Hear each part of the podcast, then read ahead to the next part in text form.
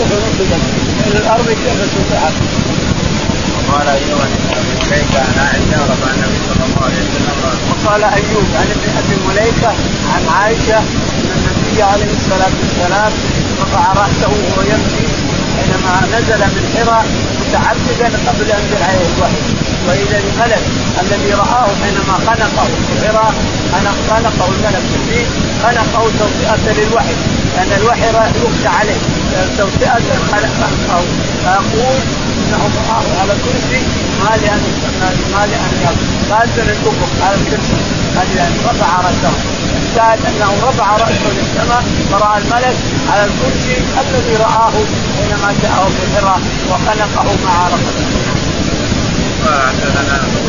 حدثنا ابن حبيب قال حدثنا الليل قال حدثنا خير عن ابن شهاب عن ابي سلمة بن عبد الرحمن عن جابر رضي الله تعالى عنه قال الله الوحي يقول إن النبي عليه الصلاة والسلام قال ثم فتر عني الوحي.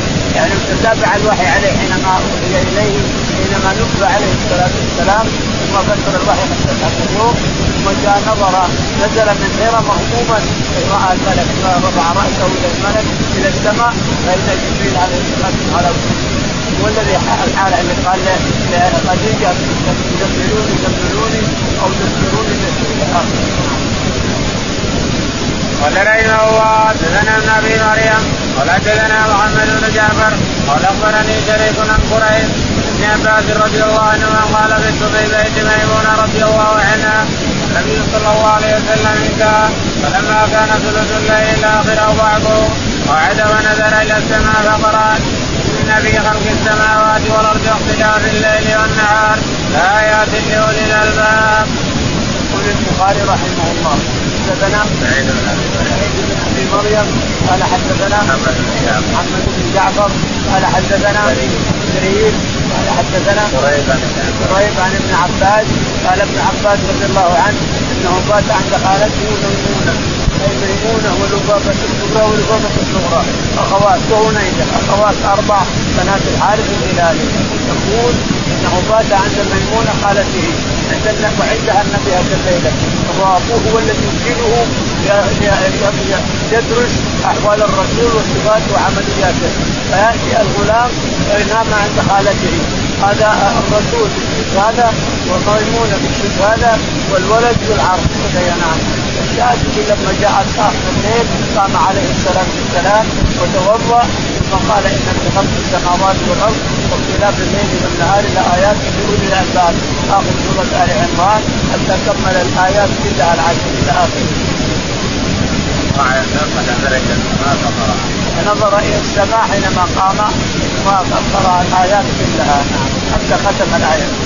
باب نبت العود بالماء والطين. قال رحمه الله حدثنا مسدد قال حدثنا يحيى عن عثمان بن غياث. قال حدثنا أبو عثمان عن أبي موسى رضي الله عنه أنه كان مع النبي صلى الله عليه وسلم في حائط من حيطان المدينة وفي يد النبي صلى الله عليه وسلم عود يضرب به بين الماء والطين فجاء رجل يستفتي وقال النبي صلى الله عليه وسلم افتح وبشروا بالجنة. فذهبت فإذا أبو بكر ففتحت له وبشرته بالجنة. فاستدعى رجل آخر وقال افتح له وبشره بالجنة. فإذا عمر فتحت له وبشرته بالجنة فاستفتى رجل آخر وكان متكئا فجلس وقال افتح وبشره بالجنة على بلوى تصيبه أو تكون بذلت فإذا عثمان فتحت له وبشرته بالجنة فأخبرته بالذي قال قال الله المستعان.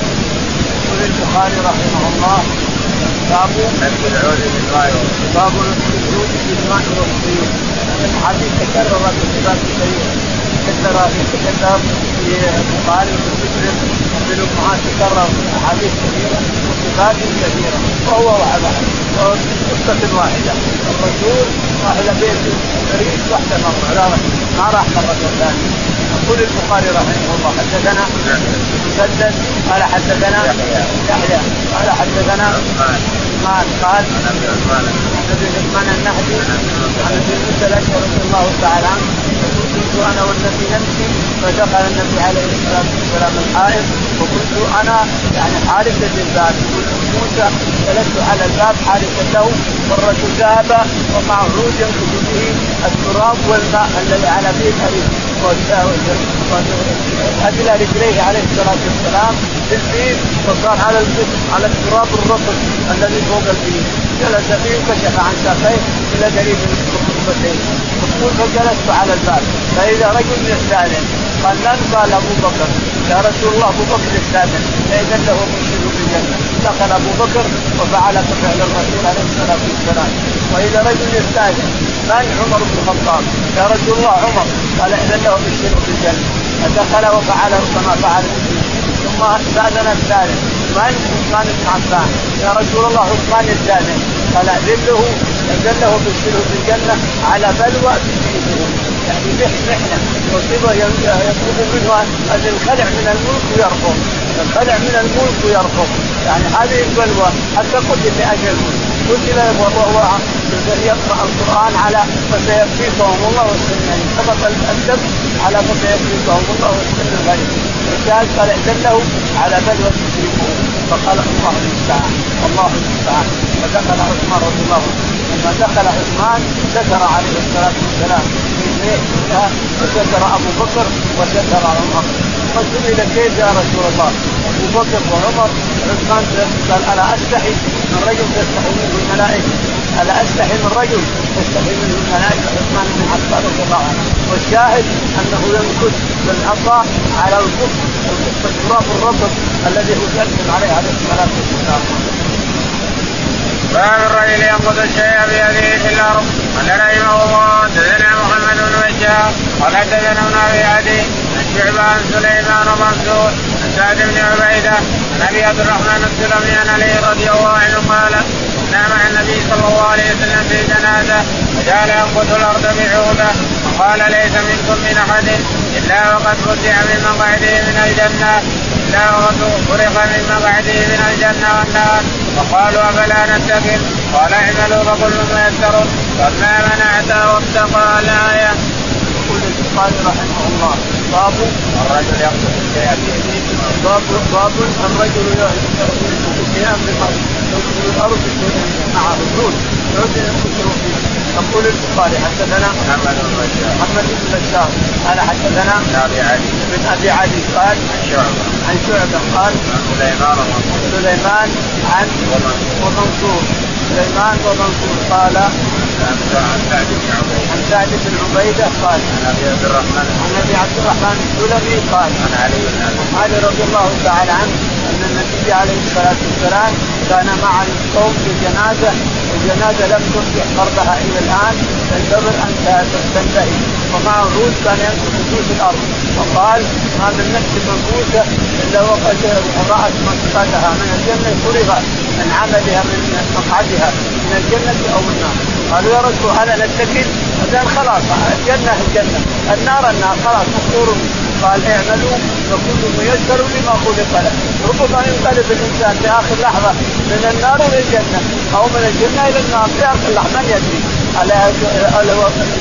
الاعمار والاجال بيد الله تعالى وتقدم والأرزاق والأماكن التي ينالها الإنسان من جنه ونار بيد الله تعالى وتقدم وفي آخر لحظة يتغير المكان. أما جنه أو في آخر لحظة ما تدري الإنسان. تغير انظر يهودي زاره الرسول عليه الصلاة والسلام وهو مريض يغرغر فقال يا فلان أسلم.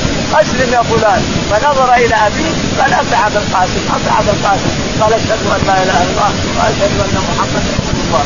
قال تعالى الصحابة كفروا اخاكم اخذوه من عند ابوها اليهودي وراح يهودي طول عمره في لحظة آخر لحظة أشهد أن لا إله إلا الله وأشهد أن محمدا رسول الله. آخر لحظة وكان آخر كلامه لا إله إلا الله. كان آخر كلامه لا إله إلا الله. باب التكبير والتسبيح عند التعجب. قال رحمه الله حدثنا أبو اليمان قال أخبرنا شعيب بن الزهري قال حدثني هند بنت الحارث أم سلمة رضي الله عنها قالت استيقظ النبي صلى الله عليه وسلم فقال سبحان الله ماذا أنزل من الخزائن؟ وماذا أنزل من الفتن؟ ان يوقظ صواحب الحجر يريد به أزواجه حتى يصلين بكافيه في الدنيا عالية في الآخرة. قال ابن ابي ثور عن ابن عباس عن عمر قال قلت للنبي صلى الله عليه وسلم وقلت نساء قال لا قلت الله أكبر.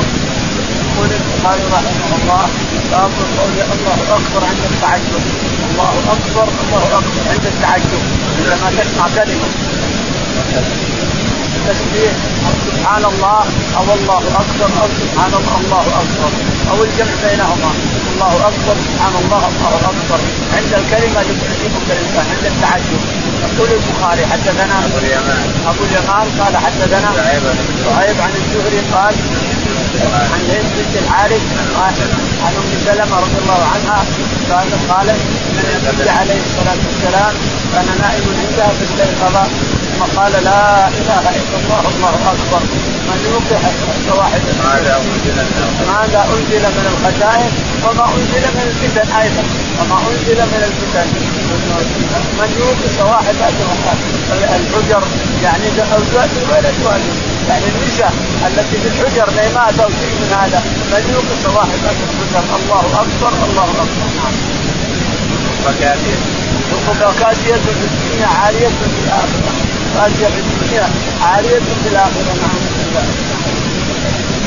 قال ابن هي ترى أنها كاسية لكنها عريانة حتى في الدنيا عريانة حتى في الدنيا فلذا كانت عالية في الآخرة لأن عريانة في الدنيا عريانة أيضا في الآخرة وترى أن أنها كاسية في الدنيا ابن عباس عن عمر قال قلت للنبي صلى الله عليه وسلم لقد الاسلام قال لا.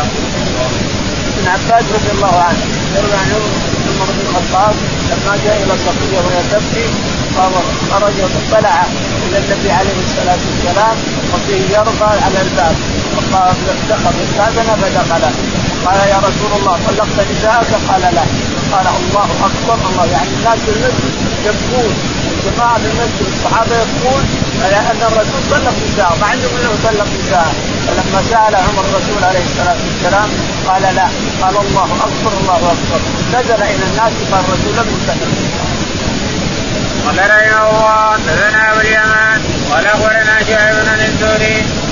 قال حدثنا إسماعيل قال حدثني أخي عن سليمان محمد بن أبي عتيق عن ابن شهاب عن علي بن الحسين ان صفية بنت حيي رضي الله عنها زوج النبي صلى الله عليه وسلم أخبرته انها جاءت رسول الله صلى الله عليه وسلم تزوره وهو معتكف في المسجد بالعشر الغوابر بالروضات فتحدثت عنده ساعه من العشاء فقامت تنقلب فقام مع النبي صلى الله عليه وسلم يقربها حتى إذا بلغت باب المسجد الذي عند مسكن أم سلمة زوج النبي صلى الله عليه وسلم مر بهما رجلان من الأنصار فسلما على رسول الله صلى الله عليه وسلم فنبذا فقال لهما رسول الله صلى الله عليه وسلم على رسلكما إنما هي صبيه بنت حيي قال سبحان الله يا رسول الله وكبر عليهما.